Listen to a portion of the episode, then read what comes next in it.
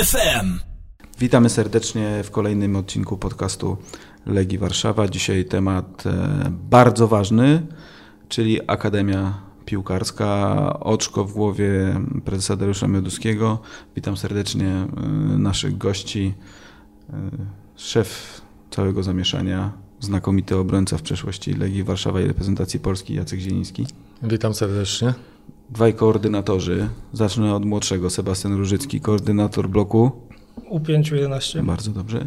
I Piotr Urban, koordynator bloku. U12, U17. Tak. I jest również z nami odpowiadający za komunikację Akademii od U17 do U19 i tak dalej.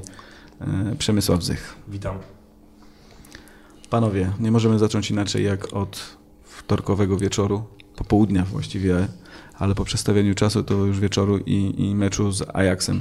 Mój dobry kolega, scout Arsenalu Tomek Pasieczny napisał chyba na Twitterze takie jedno zdanie, które mi się bardzo spodobało, że mógłby obejrzeć 100 meczów juniorskich drużyn, ale one łącznie by mu nie dały tylu odpowiedzi na pytania, co ten jeden mecz e, z Ajaxem.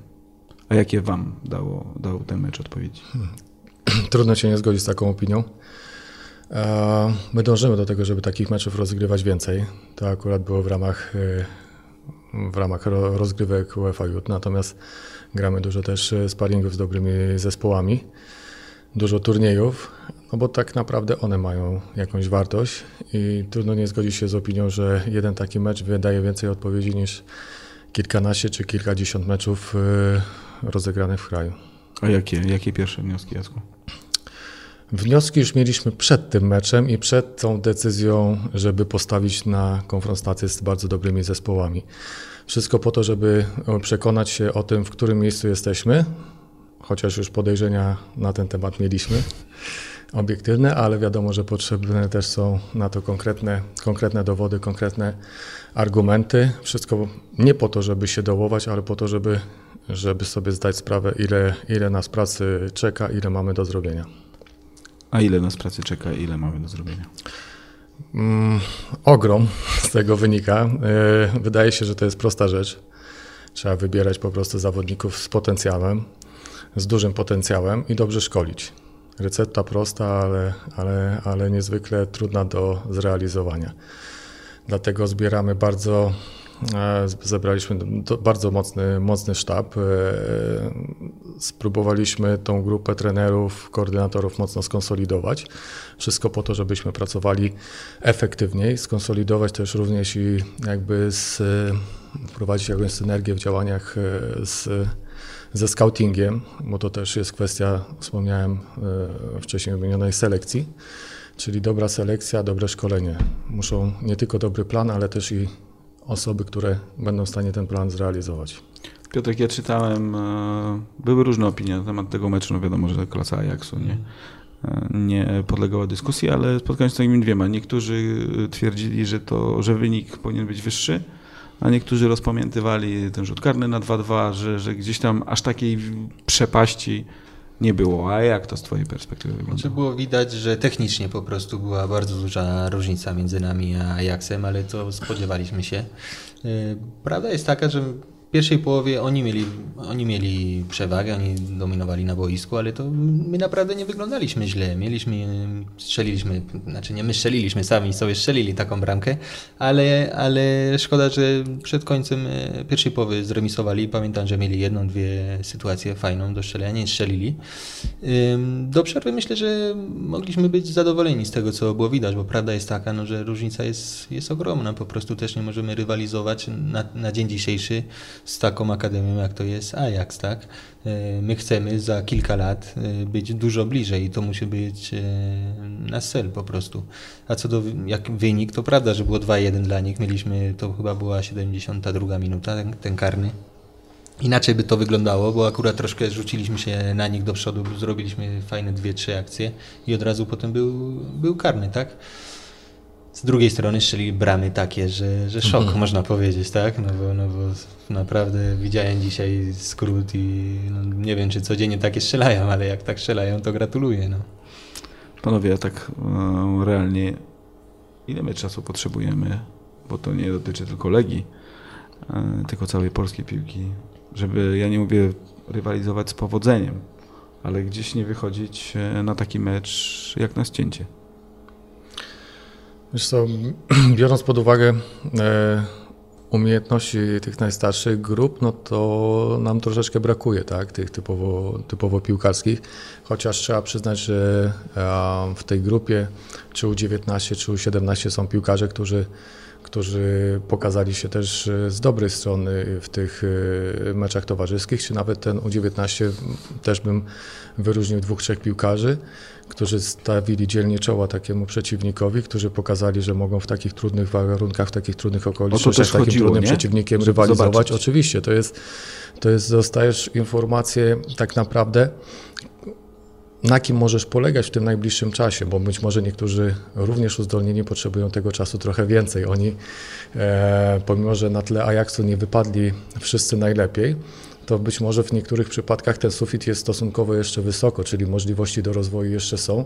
Ten rozwój jest może troszeczkę e, opóźniony, ale e, niewątpliwie szansa na to, żeby z tej grupy byli piłkarze, którzy dadzą sobie radę w ekstraklasie, czy dadzą sobie radę w futbolu seniorskim, na pewno są. Mhm.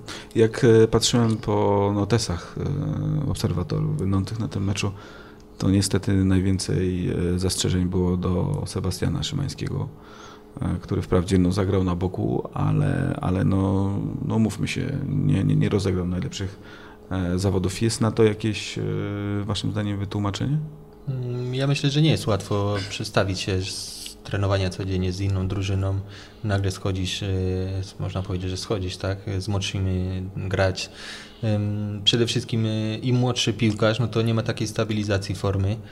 E, Oprócz tego to ważny mecz, trudny przeciwnik. Ja bym tak nie zwracał uwagi tylko na, na jeden mecz, tak? Wszyscy znamy e, Szymańskiego i to, i, i to naprawdę wygląda no fajnie to wygląda, chłopak ma potencjał, także myślę, że nie można tylko przez to, że nie zagrał jeden mecz, e, super mecz, no to, że, że trzeba jakąś napinkę mieć, tak? Dokładnie, to jest za mała próbka, żeby tego chłopaka ocenić, bo i tak wszyscy go oceniamy bardzo pozytywnie. Różnica też jest taka, że taki Sebastian Szymański w, jakby wkomponowany do drużyny Ajaxu też pewnie inaczej by funkcjonował, bo, bo, bo ta gra się opiera na, na technice, na szybkiej, dokładnej wymianie podań i z pewnością byłoby mu odrobinę łatwiej. Niekoniecznie ta pozycja z różnych powodów wystąpił na tej pozycji, między innymi mm, pod kątem przyszłego meczu ligowego była sugestia, żeby zagrał właśnie na, na prawej pomocy, bo myślę, że w środku z Karbownikiem i ze Szczepanem mogliby dużo fajniej kierować te akcje. Ale daje nam to też pewien obraz, że my tutaj jesteśmy zadowoleni z Sebastiana, że mamy takiego utalentowanego chłopaka, ale jak spojrzymy na tą podstawową jedenastkę Ajaxu i na tych zawodników, nawet zmienników, którzy wchodzili, no to wydaje się, że tam każdy z tych chłopaków nie jest od Sebastiana, od Sebastiana gorszy. 3,5 miliona euro. Ten, my mamy Właśnie, jeden rodzynek, oni oni mają kilkunastu, tak. I trzeba wziąć pod uwagę transfery. Jensen za 3,5 miliona przyszedł latem. Ten chłopak, który grał 15 minut, stworzył trzy, trzy sytuacje i jedną bramkę strzelił. E, Danilo nie przyjechał, chyba tam kontuzja w poprzednim meczu z Hammerby grał za 2 miliony euro. E, Ten skrzydłowy Fin wypożyczony, e, świetny chłopak na, na lewej stronie. Na prawym znakomity skrzydłowy, nieprawdopodobnie szybki, który tak na marginesie chciałem pochwalić tutaj naszego lewego e, obrońcę e, Matuszewskiego, który świetnie sobie, świetnie sobie poradził, bo gdybyście zobaczyli tego chłopaka, jak on sobie tam w lidze jeździł, czy tam nawet z Hammerby po tym skrzydle jak po autostradzie, no to tutaj trzeba mm, naprawdę mieć dużo uznania dla, dla Matuszewskiego, że sobie z nim poradził, bo po pół godzinie gry on zmienił e, skrzydło i przeszedł na drugą stronę, szukając Było. łatwiejszych, łatwiejszych akcji. Tak było.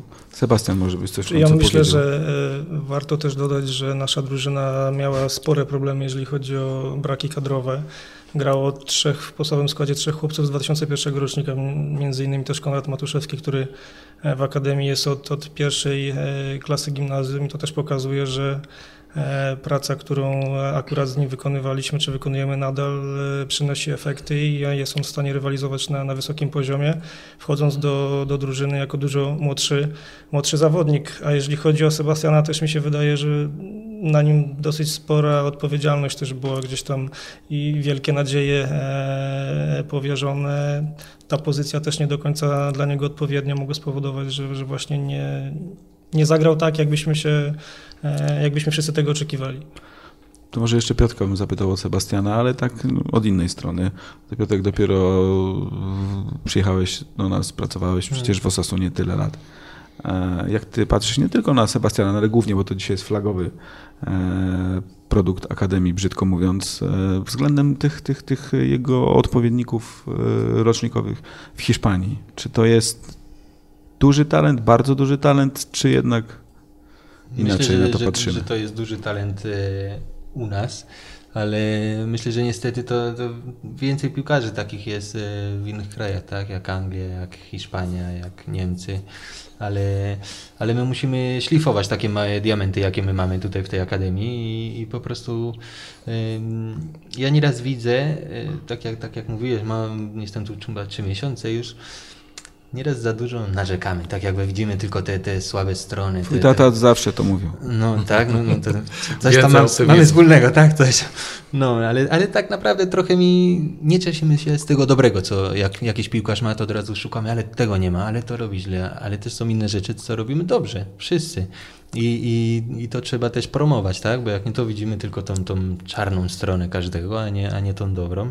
I, I myślę, że tutaj też e, to jest do poprawy tym, tym świecie futbolowym, tak bym to powiedział. Chyba za dużo pokory jeszcze w naszym społeczeństwie jest i, i, i ona powoduje, że tak się negatywnie wiele osób ocenia, mm. ta samoocena nie jest za wysoka może, a tu zgodzę się z Piotrem, że trzeba faktycznie też uwypuklać te fajne rzeczy, mm. mieć świadomość tego, co jest do poprawienia, ale też jakby na, czerpać wartość piłkarską, się pewność siebie na boisku z tych y, mhm. cech, które, które mam takie no, naprawdę na wysokim poziomie. Tak? Ty mówisz o pokorze, a Piotr Tata kiedyś to inaczej określał, wiesz? Filozofia Peweksu, że wszystko co zagraniczne to jest na pewno lepsze, na pewno Ale też byś, to ekstra. Się, mimo wszystko chyba to się już zmieniło na, na korzyść, nie? Zdarzają się już nawet takie przypadki, że że tej pokory brakuje. Za dużo pewności siebie jest w stosunku do umiejętności, jakie chłopcy prezentują, a za mało pokory. To już takie bywają, także to idzie, idzie w, trochę w innym kierunku. EU3 FM nie wiem, czy słuchaliście, ale wcześniej nagrywaliśmy z Markiem Saganowskim i z Tomkiem Jarzębowskim, czyli chłopakami stąd tak naprawdę. E, no i Marek bardzo krytycznie wypowiadał się. Marek przeszedł przez wszystkie drużyny Akademii, czy no tam e, starsze, plus rezerwy i bardzo krytycznie wypowiadał się o mentalności młodego polskiego kandydata na piłkarza.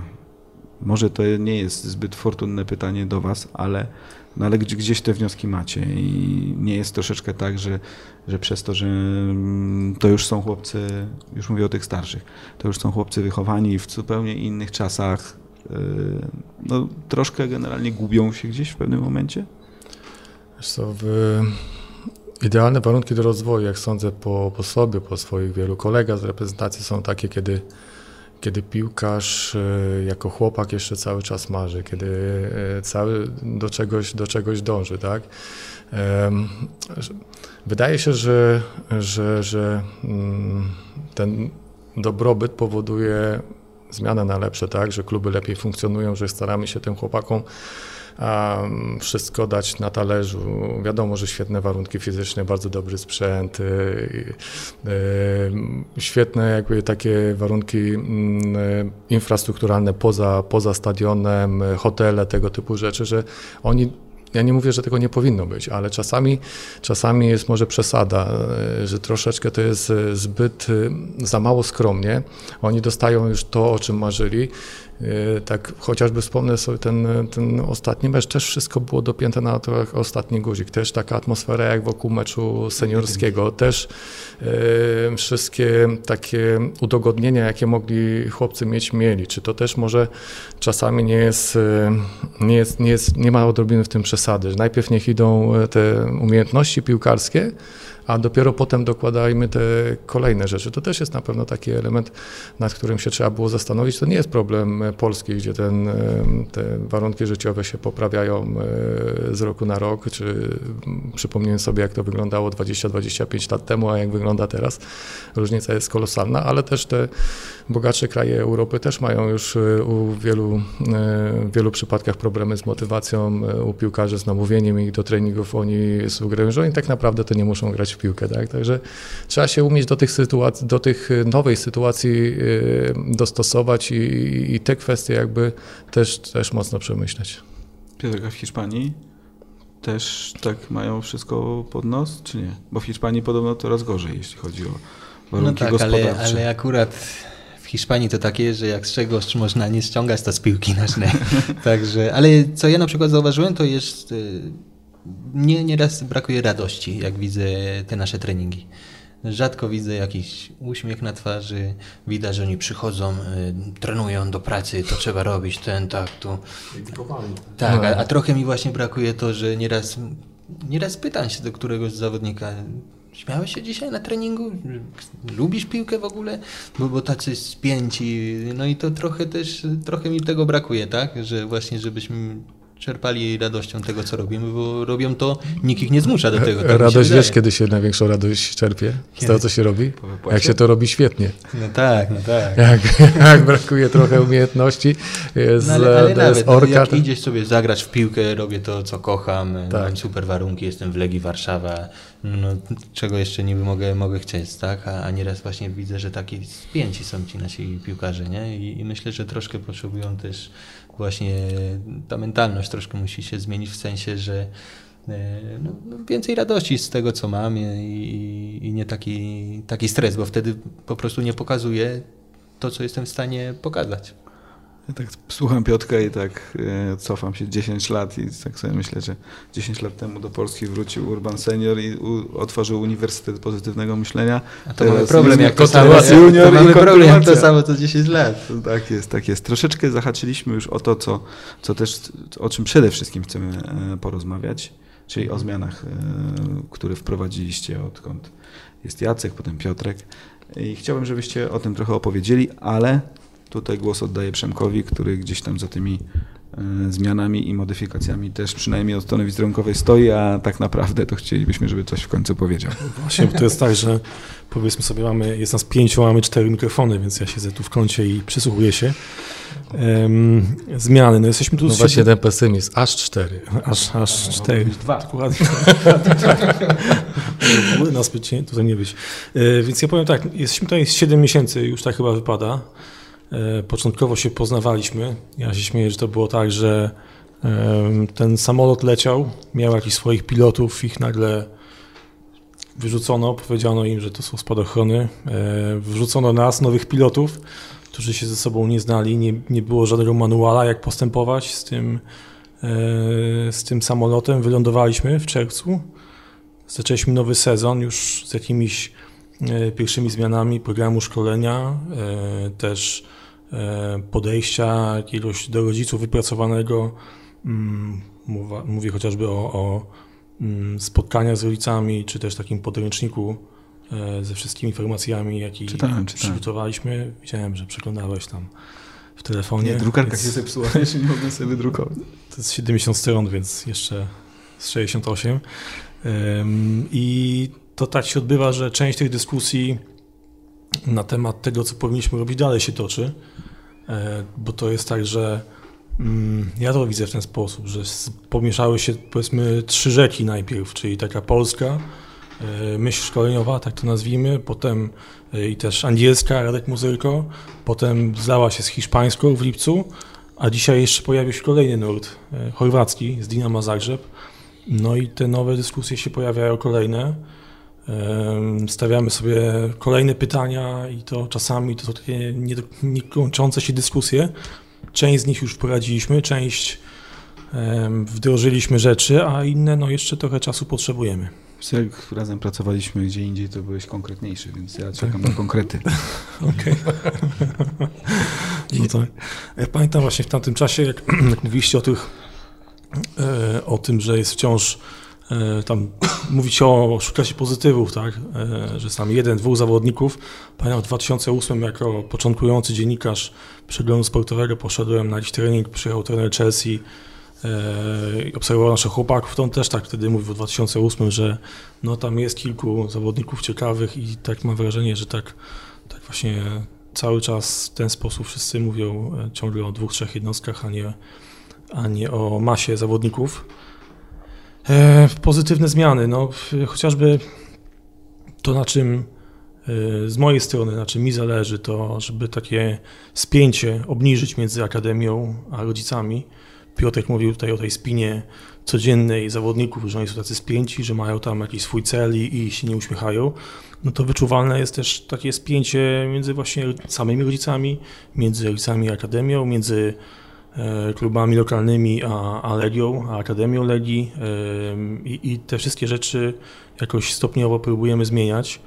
Em, Ileś tam takich drobnych rzeczy, jak chociażby to, że mówię tutaj teraz o rodzicach, o odchodzących zawodnikach e, na koniec sezonu, tym, których rezygnowaliśmy, czy, czy wysyłaliśmy na wypożyczenie.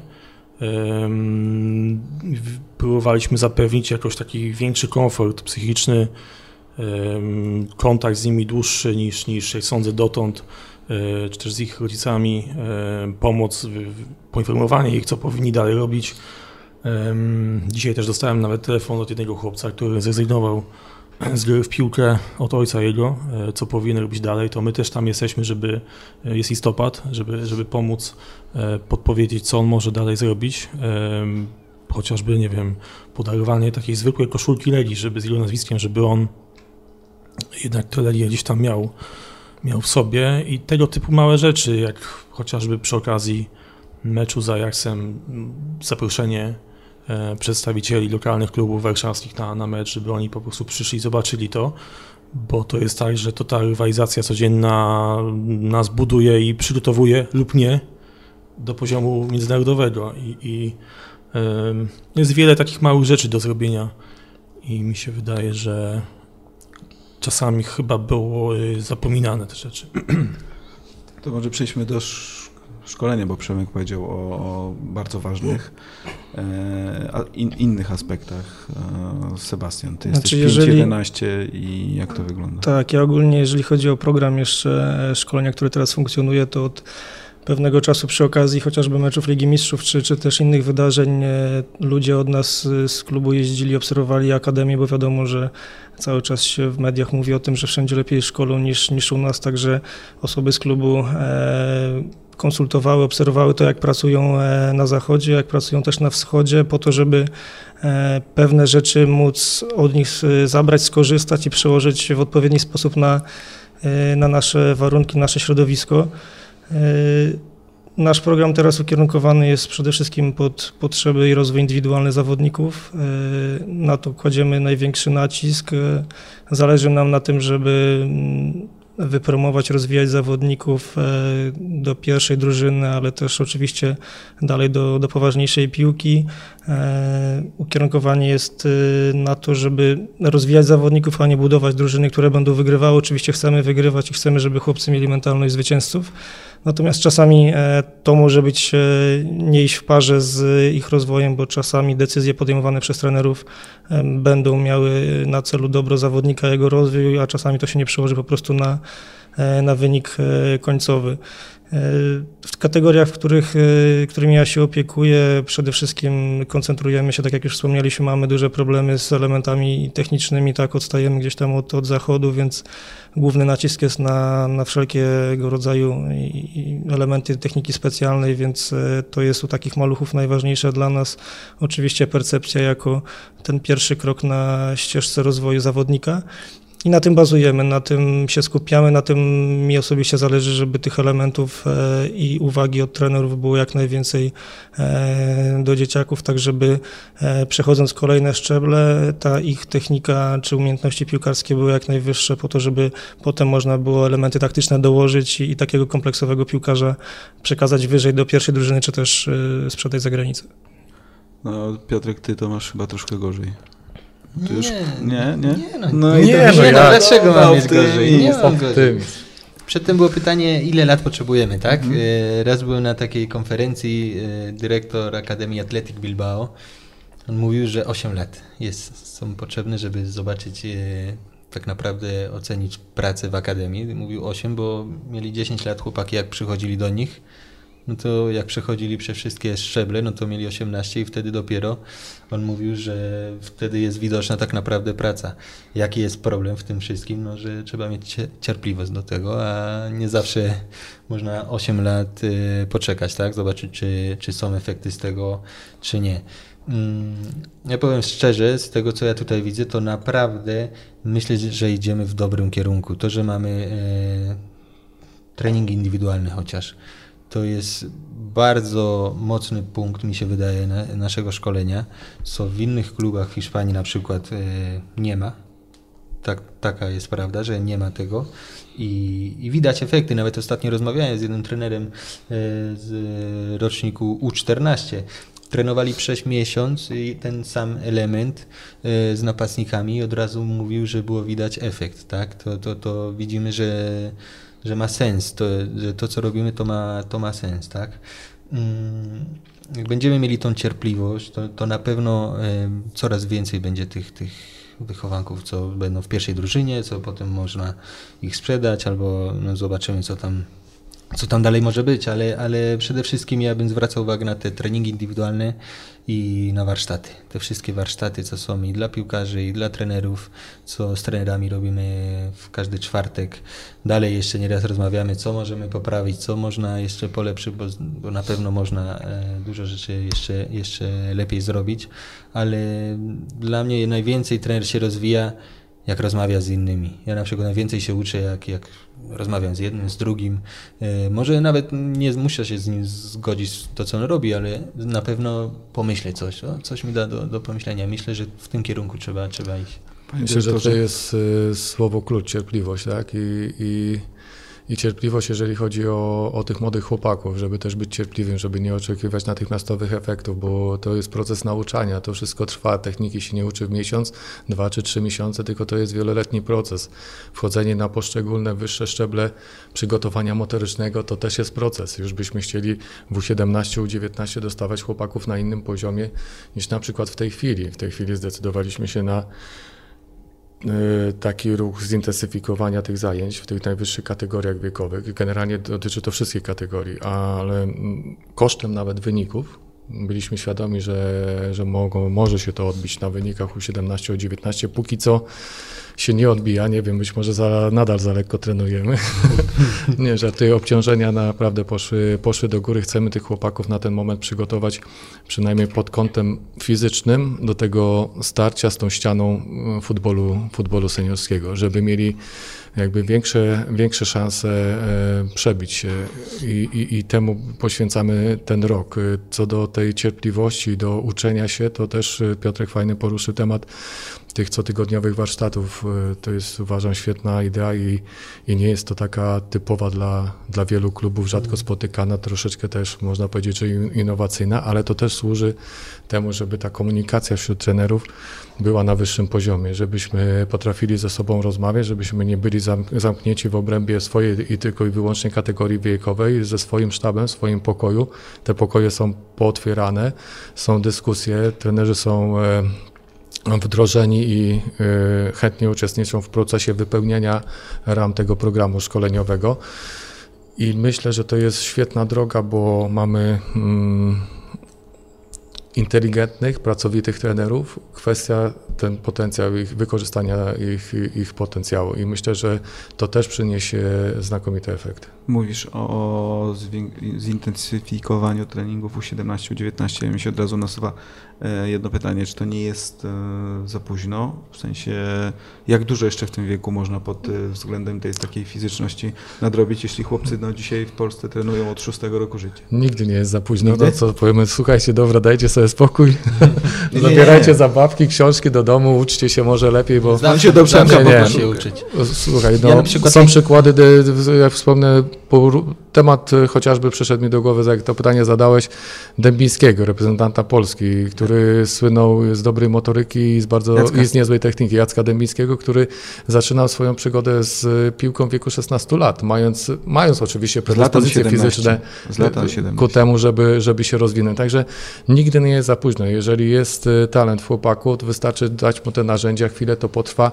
On, tak jak mówiliśmy, ten sufit ma jeszcze być może wysoko, I on później wejdzie na ten najwyższy swój poziom, nie w wieku 19 czy 20 lat, jak to robią największe gwiazdy, najbardziej utalentowani piłkarze, ale może w wieku 22, między 23 lat, troszeczkę z opóźnieniem to nastąpi, ale nastąpi w przypadku tych y, najlepszych chłopaków, jeżeli dostaną argumenty do ręki, czyli dostaną te, od nas te podstawy, te podstawy techniki, podstawy motoryczne i do tego dołoży swój talent, będziemy czekać tylko na efekty. Czyli tak jak Piotrek mówił... Optymizm. Coś się, tylko dzieje, optymizm. coś się dzieje w Akademii, Tylko nie? optymizm e, nas, nas uratuje. A jeśli chciałem was jeszcze zapytać właśnie, Piotrek, poruszyłeś tu Jacek też kwestię, kwestię wyników. EU3 FM. bo moim zdaniem parcie na wynik to jest jeden z e, największych błędów popełnianych i przez trenerów, i przez rodziców, a przez to przez e, młodszych lub e, starszych zawodników. E, Czy ten wynik zawsze musi być? Czy wprawdzie wspomnieliście już, że kosztem wyników coś tam Ale Można dla mnie odpuścić. wynik przyjdzie, jak y, będziesz dobrze robił swoją robotę, będziesz dobrze szkolił, to nawet jak nie będziesz parcie na ten wynik, że muszę wygrać, to on po prostu przyjdzie, tak? No Nie bo- obronisz się przed nim. No, nie, sam, sam to przyjdzie, tak? No, nawet jakbyś nie chciał. Będziesz miał dobre wyniki i, i myślę, że y, to jest troszkę też taki. Musimy ogólnie to poprawić, y, bo dla mnie to jest porażka, jak jakiś trener młodzieżowy myśli o tym wyniku. Dla mnie to jest porażka, dla niego, dla drużyny i przede wszystkim dla, dla tych chłopaków, co on trenuje.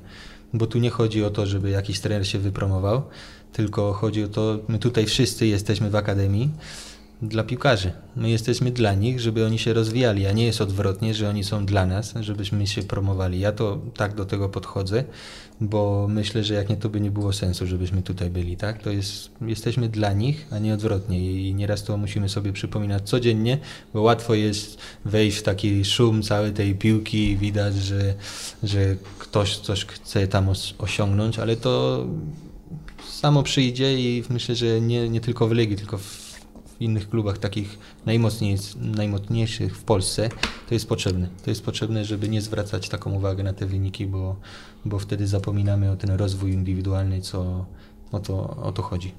Znaczy ja, ja, ja uważam, że wygrywanie nie jest sprzeczne z rozwijaniem i trenerzy e, za pomocą odpowiednich środków, tak, no my chcemy, żeby nasi zawodnicy mieli tą mentalność zwycięzców. My nie możemy im mówić, że my nie chcemy wygrywać, natomiast musimy pokazać im drogę, podkreślać to, że oni mają wychodzić na boisko po to, żeby, żeby zaprezentować się jak najlepiej, tylko rolą trenera jest przygotowanie zawodnika na treningu do tego, żeby on odniósł sukces e, czy teraz, czy za, za jakiś czas, tak, bo za chwilę możemy dojść do sytuacji, że nasi zawodnicy no, tej mentalności dążenia do tego, żeby w każdym meczu, w każdym treningu być coraz lepszym, wygrać każdą piłkę, dążyć do tego, żeby e, cały czas uciekać przed kolegami, którzy nas gonią, z tym będziemy mieli e, problem. Natomiast no, nie może, tak jak Piotrek powiedział, nie może to być dla trenera cel, cel główny. Tak? Trener jest od tego, żeby e, wyposażyć zawodnika w takie narzędzia, które pozwolą mu się rozwijać, a przy okazji za chwilę to będzie gdzieś tam się wiązało też z odpowiednim wynikiem.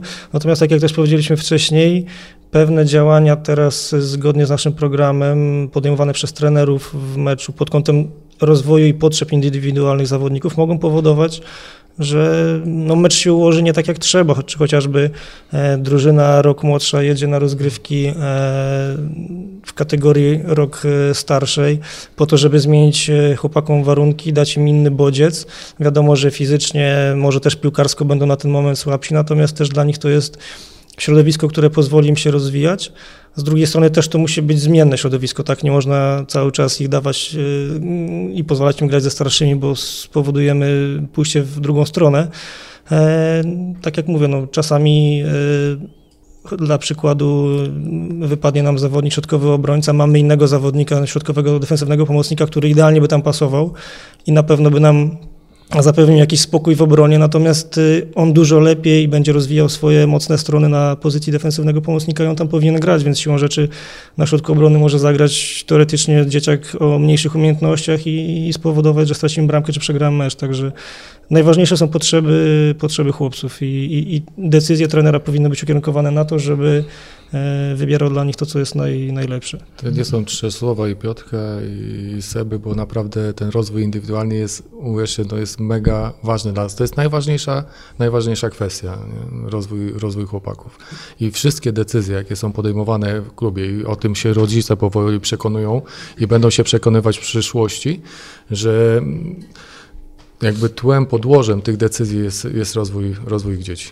I też fajnym przykładem e, z ostatnich tygodni jest ten projekt, w którym sami zawodnicy wybierają taktykę na mecze, czyli chyba jest tak, że skład e, wybiera jednak trener, przynajmniej póki co Raz na było. 6 tygodni. To bez pozycji zawodnicy dobierają sobie taktykę na mecz, w czasie meczu jakieś zmiany, tego typu rzeczy, więc to też W pokazuje... jakich kategoriach wiekowych to jest? Od, Od U11 do do U17, tak. U19 chyba to Nie, nie U19. funkcjonowało. Tak.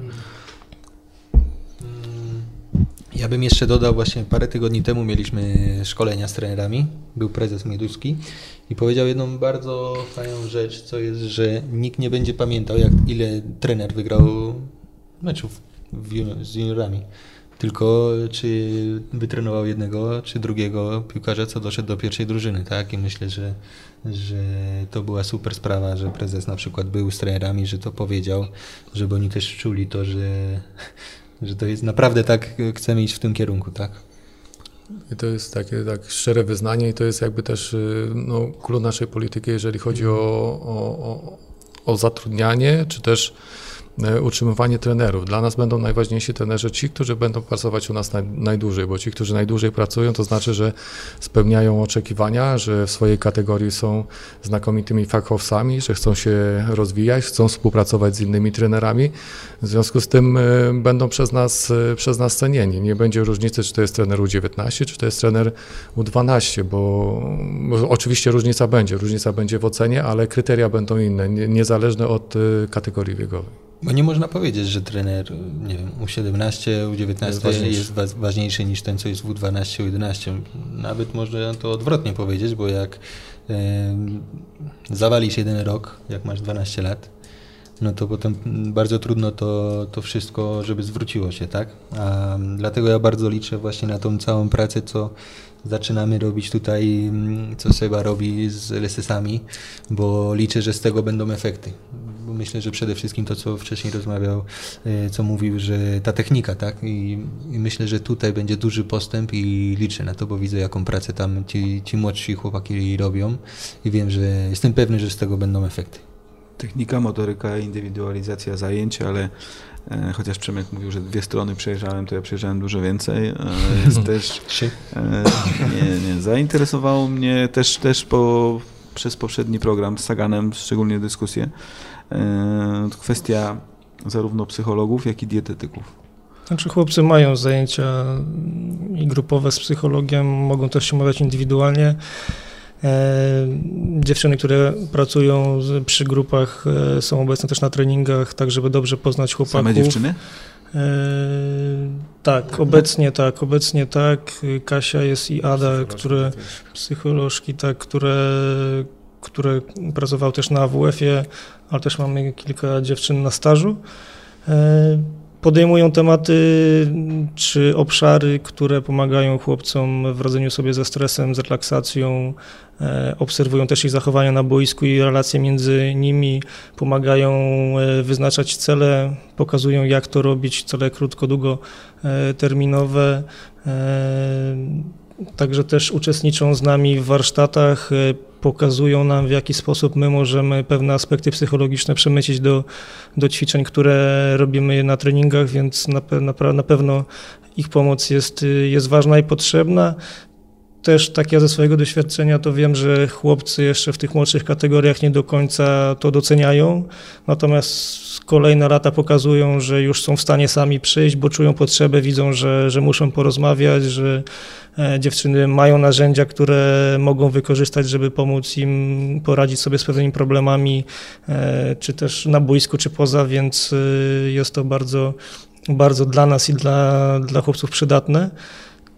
Też zajęcia z, z dietetykiem, z Magdą, która, e, tak jak można zobaczyć na, na, naszym Twitterze, to nie są tylko suche, suche gdzieś tam slajdy i teoria, tylko do tego stopnia Magda przygotowuje im nawet posiłki, pokazuje w jaki sposób e, można się odżywiać, co można jeść, jak to można zrobić. Też e, przygotowuje dla nas warsztaty dla trenerów, czy, mm, czy tak jak chociażby chcemy też w projekcie szkół piłkarskich zrobić takie warsztaty dla, dla, dla rodziców, e, żeby uświadamiać co, Powiemy, co co, i po stoi co. koło Sebastiana woda niegazowana, co i po co jeść. i chrupki. A to skoro tak, mówi, skoro, skoro tak mówisz, to powiedz mi teraz, jak e, przekonać e, 10-12-letnie dziecko, żeby jadło warzywa?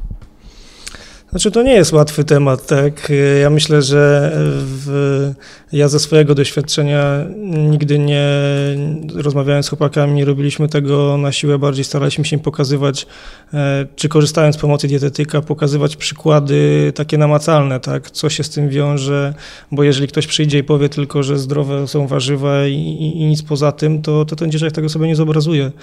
Natomiast y, powiem szczerze, że no, różni są, różne są dzieciaki. Mamy chłopców takich, którzy na przykład ze mną współpracowali, którzy są w stanie sobie sami wstać, przygotować posiłki, ma być wszystko przygotowane, rodzice robią zakupy i tak dalej. Są też tacy, którzy mniej na to patrzą i czasami gdzieś tam możemy ich e, im o tym przypominać, że, że to czy tamto powinni jeść. Natomiast y, no, metod jest kilka, ale to mówię głównie zależy od, y, od, od rozwoju i od etapu, na którym jest dziecko.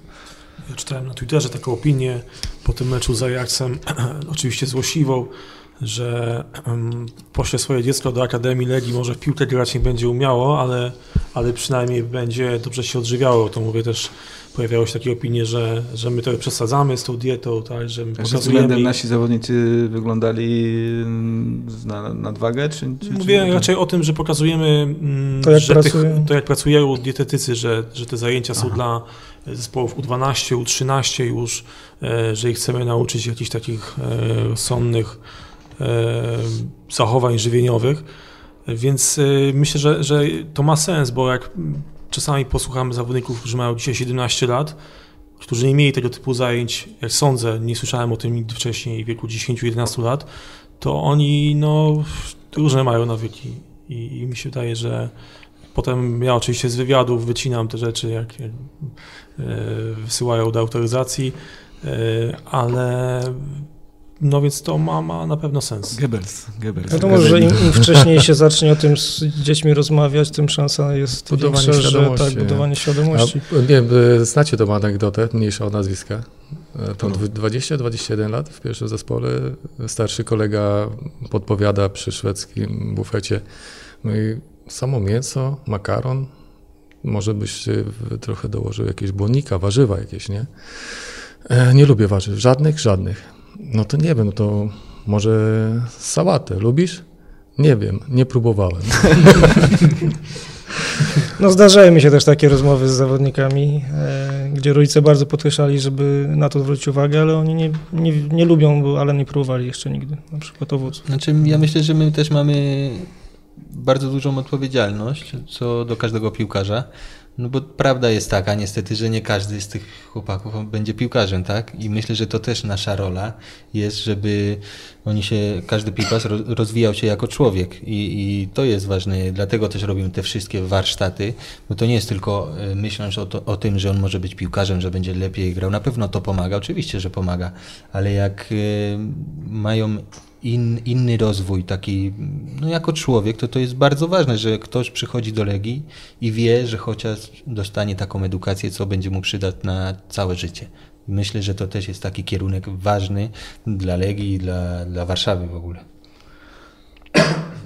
Jeszcze o jedną kwestię Was chciałem zapytać, bo gdzieś tam pamiętam na wiosnę miałem e, rozmowę z Radkiem Mozderko na ten temat, e, ale no zdecydowaliście się jako Akademia do pewnego wieku e, nie informować publicznie o wynikach drużyn, o składach drużyn. Tam niby, bo skauci, no ale jak każdy wie dzisiaj, to można przyjść i sobie coś zanotować.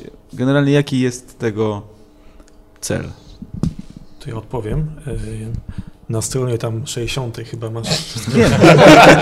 ja wiem, ja to mam. Okay. To wiosną założenie było takie początkowe, żeby też nie informować o zespołach chyba U14, U15. My od tego odeszliśmy.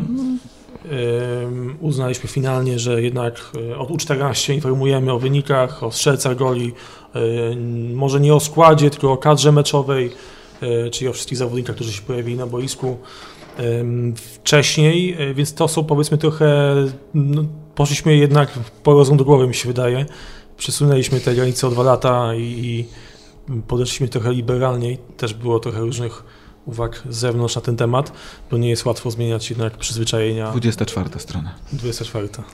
Zapraszamy do czytania. Yy, więc yy, myślę, że to ma sens, bo od wieku, od kategorii U14 zaczynamy grę w piłkę 11 na 11.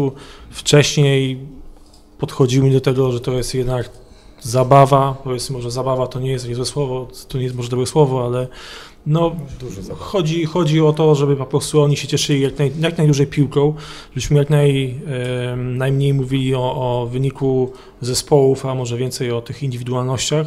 I też jak rozmawiałem z, z, nas, z naszą panią psycholog Adą Zagórską, wprowadzając te, te poprawione zmiany, czy to ma sens, ona, ona mówi, że tak, że według niej właśnie za dużo mówimy o wyniku e, w piłce młodzieżowej, a to jest sport indywidualny tak naprawdę na koniec.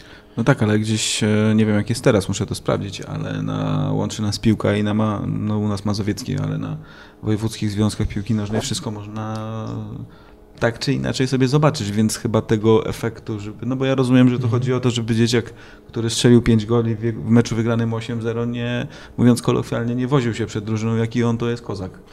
U14 chyba można i U13 znaleźć na, na łączy nas piłce. Wiadomo, że jak się zmienia świat, to, to trzeba trochę pójść pod prąd. Dopiero potem wszyscy będą za 5 lat mówić, że to są zmiany Zycha, wiesz. A, czyli jednak fame. Spotkamy się tutaj. Wiedziałem, wiesz. ja wiedziałem, tak cię podejrzewaliśmy wszyscy o to, ale widzę, że, że, że słusznie. Znaczy też z tym jest związane to, że jest taka napinka ze strony rodziców. Ja bym tutaj, myślę, możemy cały program zrobić na ten temat. Bo, o rodzicach tak, oddzielny tak, bo, będzie. Bo ja na przykład bardzo lubię z ludźmi rozmawiać, zawsze oni mogą do mnie przyjść, porozmawiać, bardzo chętnie usłyszę, ale przyznam, że przez 4 lata, jak w Hiszpanii w Osasunie trenowałem jako, jako trener, jako pierwszy trener, ani raz, ani raz yy, nikt do mnie nie zadzwonił żaden e, ojciec albo mama jakaś, żeby zapytać się, dlaczego nie zagrał mój syn, dlaczego nie pojechał na turniej, no ani raz. A u nas bateria na jak długo wystarcza? Nie no, co tydzień ja mam rozmowy, ja bardzo chętnie rozmawiam z wszystkimi, ale, ale dziwi mnie trochę właśnie to, że no, że no, no, no, no, nie pojechał, no nie pojechał. No, co ja do ciebie, Piotrek, nie to... chcę straszyć, ale twój tata po dwóch latach powiedział, że uśmiech mu zaczyna z twarzy znikać. A nie, ale to ja wytrzymam. Młodszy jestem, także mam więcej energii. A czy twój tata w ogóle interesował się twoimi wynikami? No nie, nigdy, nigdy też nie była taka sytuacja, że, że mój ojciec, y, nie no, prawda jest taka, no, że on tam legenda Osasuny, ja w Osasunie całe życie grałem, nigdy nie był się zapytać, czy, czy dlaczego no, kiedyś nie grałem, czy coś. Nawet były, jak, jak już zdecydowali, że dalej nie będę w Osasunie, no przecież najłatwiej to by było po prostu iść powiedzieć, słuchaj, jak chcę, żeby mój syn był ale to w ogóle coś takiego nie wchodziło w grę. W ogóle sam bym nie chciałbym komuś Jest, brać miejsce w to. W środowisku rozumie to i dlatego to... takie pytanie zadałem, no bo uważałby, że to jest no, poniżej No to nie, no to krytyki, dla mnie to by był wstyd po prostu dla mnie, by wziąć komuś miejsce przez to, że mój ojciec mógłby, ale w ogóle on takie, taki, no nie, no w ogóle coś nie chodzi, coś takiego w grę, że, że, że poszedłby i się coś zapytał, dlaczego w ogóle. Miałem rozmowy z rodzicami na temat, e, a bo widzę, że mój syn trochę w domu jest taki jakiś smutny, czy coś, czy to samo jest jak trenuje, jak można mu pomóc i ten, no to to super kwestie, można porozmawiać, bardzo chętnie pomożemy. Ale już takie takie sprawy bardziej piłkarskie, to też trzeba trochę szanować pracę trenera, tak? No bo, no bo nie wiem, no jak ja idę do lekarza, no to i mówi mi, że I mówisz mu, co ci operację, no to ja mu nie mówię, że, że lepiej jakąś inną zrobić, tak? No bo po prostu mu ufam, bo to jest zawód, jaki, jaki on ma i jest specjalista od tego. Rozumiem, że to są dzieci i martwią się i to jest normalne i to jest potrzebne, ale pewien taki, taki limit myślę, że, że jest potrzebny. I zaufanie przede wszystkim. Tak. Ale to jest duży problem? Czy duży chyba? Znaczy nie powiedziałbym, że problem. Myślę, że takie przyzwyczajenie, tak? No. I, I myślę, że też e, byłoby warto, nawet rozmawialiśmy na ten temat, jakieś warsztaty przepro- przeprowadzać też e, z rodzicami, żeby wiedzieli na przykład jak się zachować, jak syn e, nagle właśnie troszkę mniej gra, albo kontuzję złapał. Myślę, że to Kwestia, jest ważne. kwestia też budowania chyba zaufania, bo, bo nie, my się nie zamykamy. Mówimy, że nie ma możliwości zadzwonić. Jest możliwość zadzwonienia czy do koordynatora, czy, czy do mnie, czy do wielu osób, tak jak tutaj w tej e, słynnej książce wszystko jest zresztą tam e, wyłuszczone.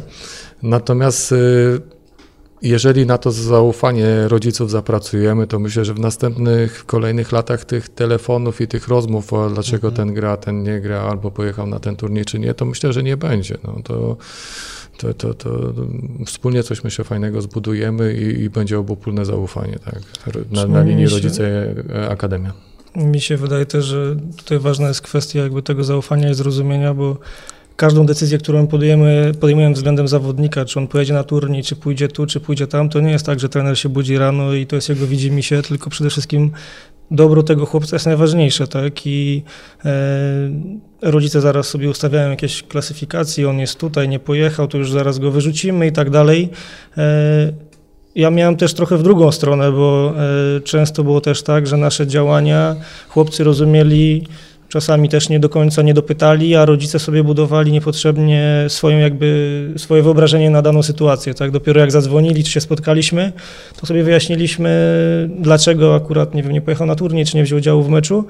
Więc y, czasami to też idzie jakby w drugą stronę, że oni w ogóle się nie, nie kontaktują, nie, nie, nie pytają. Natomiast mówię, działania wszelkie, które podejmujemy, mają czasami one są dobre dla, dla, dla chłopców, tak w cudzysłowie, tak, bo jadą na turniej, czasami oni to odbierają źle, ale efekty dopiero przyjdą za, y, za jakiś czas, tak, y, tych działań. A co z tymi chłopcami, na przykład, którzy nie jadą na turniej i nie zagrają w meczu?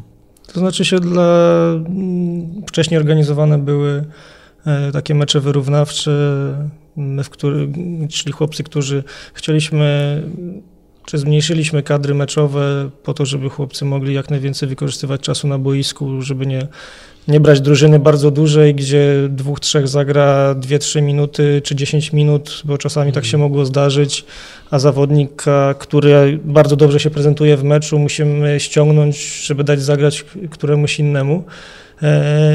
Tylko i wyłącznie pod kątem dobra i rozwoju e, chłopców.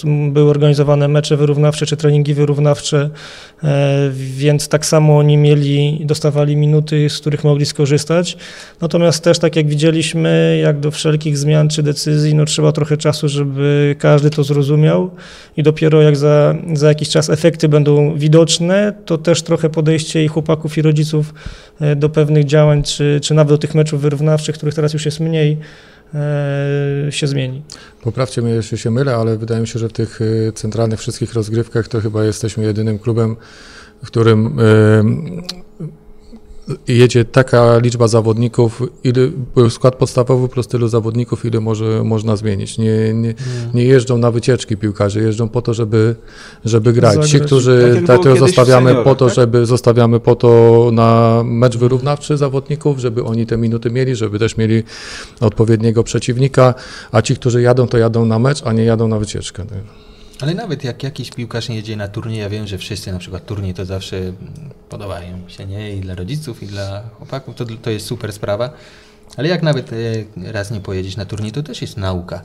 Nauka piłkarska i jako człowiek to też cię rozwija, no bo wtedy musisz sobie poradzić. Jak my zobaczymy, że ktoś się poddaje, bo coś mu nie, nie wyszło i od razu się poddaje, no to, to, to nie tak to powinno wyglądać. Na pewno piłkarz ma gorsze momenty i musi podnieść się z tego. I to samo jest w życiu. Nie wiem, idziesz do pracy, masz jakiś mm, szef jakoś cię nie widzi i musisz sobie z tym poradzić, tak? Musisz pokazać, że, że, że jesteś lepszy niż, niż ktoś inny, tak?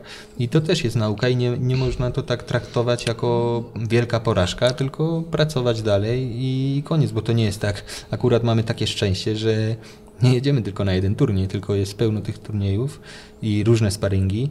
Także ja rozumiem, jak dzwonią rodzice na przykład, nie, że na, na, na nie pojechał. No, no nie pojechał, no, no, no ale to też jest życie piłkarza, tak? Bo trzeba zaznaczyć, że oczywiście to jest jakiś ten element rywalizacji pomiędzy zawodnikami, którego nie unikniemy.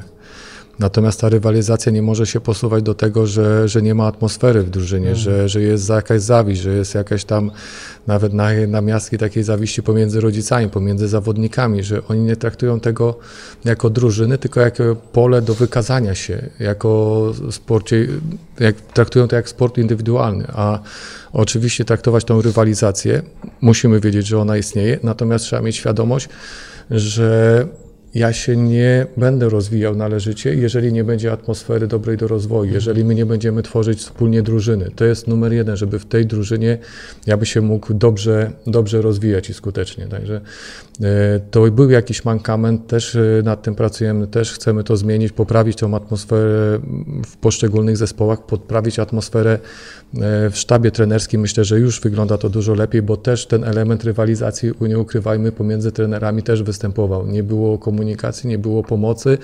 E, była taka, a, e, no, kto, kto lepszy, kto lepszy, kto lepsze wyniki osiągnie, nie kto wyprodukuje więcej, w cudzysłowie, zawodników, wypromuje więcej zawodników do starszej kategorii wiekowej.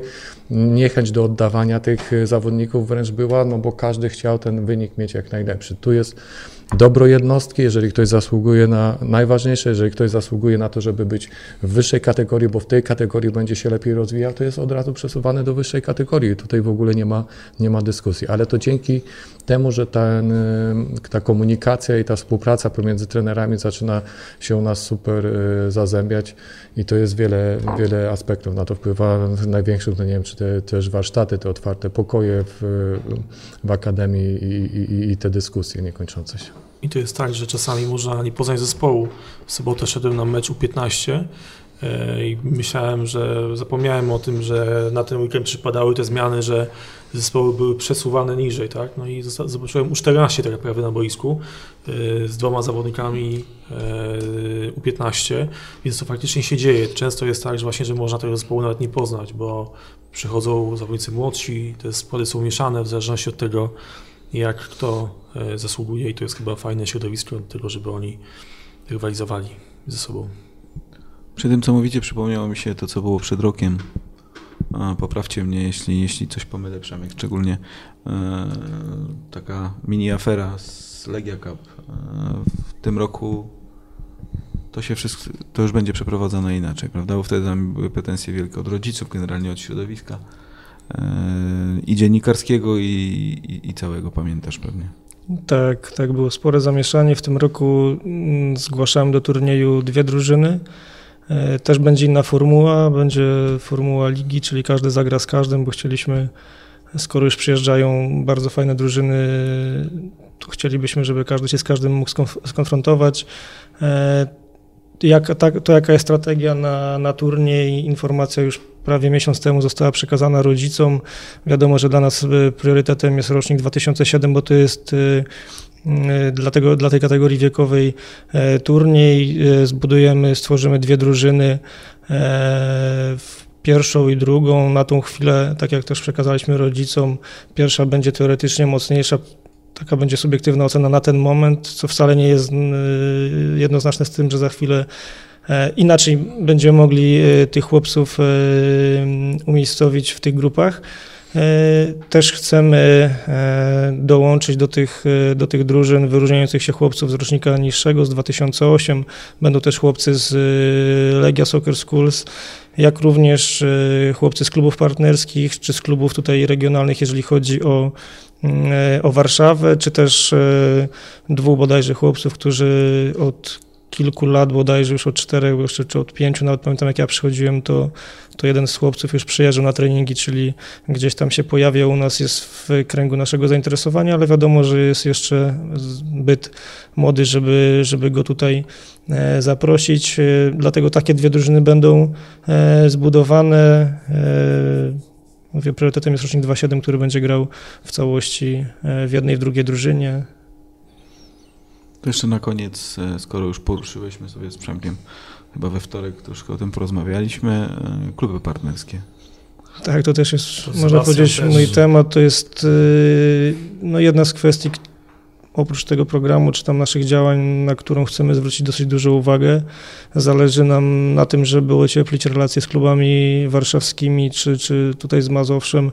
Nie ma co ukrywać, województwo mazowieckie jest największym województwem w Polsce, ma największą liczbę ludności. W Warszawie jest przeszło 1,7 miliona mieszkańców. Tak jak gdzieś tam mamy statystyki, prawie 150 tysięcy dzieci jest do wieku e, szkoły podstawowej. To jest bardzo, e, bardzo duża liczba, więc e, zależy nam na tym, żeby relacje ocieplić, żeby zmienić trochę wizerunek, bo, bo gdzieś tam mamy sygnały, czy, czy, czy słyszymy, czy widzimy, że, że gdzieś tam nie jest to tak, jak powinno być powoli podejmujemy pewne działania do tego, żeby chociażby to, co Przemek powiedział, e, mecz z Ajaxem, gdzie chcieliśmy zaprosić e, lokalne, lokalnych przedstawicieli z lokalnych klubów. Mm, e, będziemy podejmowali jeszcze szereg działań, inicjatyw, które mamy nadzieję, że w perspektywie czasu pokażą, że zależy nam na długofalowej współpracy, na współpracy przemyślanej, z której obie strony będą miały wymierne korzyści. E, I no, to w dużej mierze się przyczyni do tego, że miejmy nadzieję, że za jakiś czas też nasza, nasza, czy nasza akademia, czy nasza polska piłka będzie mogła się pochwalić tym, że będziemy mieli tych wychowanków, czy, czy też zawodników na, na dużo wyższym poziomie. Bo to jest tak, że ta lokalna specyfika e, jest taka, że no nie całe Mazowsze pracuje na Akademię Legię, tak, na Lecha pracuje cała Wielkopolska i no musimy powoli to zmieniać. Mieliśmy niedawno takie spotkanie, gdzie sobie wypisaliśmy listę rzeczy, które my tym małym klubom możemy dać, żeby to nie było tak, że, że my tam przychodzimy, pukamy i mówimy, że chcemy Kowalskiego tam z 2007, ilość tam E, Zycha z 2003 i tak dalej. E, tylko żebyśmy my też im coś dali. No i, i mi się wydaje... Byłeś w 2002. I mi się wydaje, że no, w najbliższych latach im to damy. Czegoś jeszcze nie poruszyłem? Co ważnego? Wszystko, wszystko. Wiesz, to można by gadać i gadać. No, Naprawdę dokładnie. to jest temat taki, że... Tak. To jest... Mało o tej współpracy z klubami powiedzieliśmy, bo to jest też e, jakiś projekt, na którym pracujemy i już jakieś e, pierwsze wnioski mamy i chcemy już z takim gotowym planem e, wyjść do tych e, klubów, nie chcemy mówić, że może to, może tamto, tylko konkrety, żeby za tym stały, nie obietnice, że coś w przyszłości będzie, e, jakieś korzyści te kluby może będą miały, bo one oczekują tu i teraz pewnych korzyści, ja to też, ja to też rozumiem, a nam mamy wspólny interes, wszystkim nam zależy na tym, żeby ten futbol warszawski, futbol tutaj Mazowsza wznieść na dużo wyższy poziom, wszyscy na tym na pewno skorzystają. No i też książenice, tak, bo to jest tak, że my mówimy i projektujemy jedną rzeczywistość, tę obecną tutaj, ale też toczą się jednocześnie działania, żeby ta przyszłość w, w Książenicach, w ośrodku Leli była, była jeszcze lepsza i jednocześnie są dyskusje właśnie na temat tego, e, co mamy tutaj w, w ramach tego, co my możemy mieć przy tych warunkach w infrastrukturze i tak dalej. E, tutaj mówię i o szkołach, o bursie, o żywieniu, o edukacji zawodników, edukacji piłkarskiej i tak dalej, i tak dalej. No i też o tym, co będzie tam, a, a tam chcemy przenieść zespoły od U15 zwyż, e, niżej e, w Warszawie mieć pozostałe wszystkie inne, więc no, to jest taki powiedzmy trochę dualizm, no, rozmawiamy ciągle o, o to trzeba oczywiście połączyć wszystko dobrze ale jest tych tematów no, no dużo. I tak powoli się dokopujemy też do nich. Um, Myślę no. też, że najważniejsze jest to, że chcemy po prostu się przenieść do książenic już gotowi, tak, żeby z gotowym programem, z gotowym pomysłem na to, co chcemy robić, a nie dopiero wtedy tak, tak, a nie zmierzyć się z tym, że będziemy mieli takie czy takie warunki i siądziemy, dopiero zaczniemy się zastanawiać, co, co mamy robić. Także... Na pewno mamy wystarczająco dużo zawodników na te sześć boisk? Słucham? Będzie wystarczająco dużo zawodników na te sześć boisk? Będzie chyba, nie? Będzie, będzie. Znajdzie się. No, no do tego boiska jeszcze, też terasne do, będą, więc też muszą odpoczywać. To do tego jeszcze miejmy nadzieję, że boiska tutaj przy Czerniakowskiej powstaną niedługo. Wszystko powstanie. Książenice dwa lata, tak? E, licząc boiska rok. Ile się nie uda, więc ta infrastruktura. Macie jeszcze trochę czasu, żeby się do infrastruktury przygotować, skoro Legia sobie daje tyle, tyle lat radę z jednym boiskiem, na którym, dziś, na którym Tomkowi Kiełbowiczowi ciągle wyskakiwał dysk, jak jeszcze kopał. zimą, to... Na to, pewno nie będziemy zaskoczeni ogromem możliwości, jakie, jakie książenice nam dadzą. Panowie, ślicznie Wam dziękuję. Temat y, książenic to jest tak naprawdę temat na zupełnie inną rozmowę i pewnie w najbliższej przyszłości, może, może troszkę dalszej, aż to się nam bardziej skonkretyzuje, y, taki podejmiemy. Ślicznie dziękuję. Jacek Zieliński, dyrektor Akademii. Dziękuję. Panowie koordynatorzy, dziękuję Wam bardzo. Dziękuję. Dziękujemy. I Też koordynator. Goebbels, Goebbels. Akademii Piłkarskiej Legii Warszawa. Dziękuję Ci bardzo. Dziękuję Adam.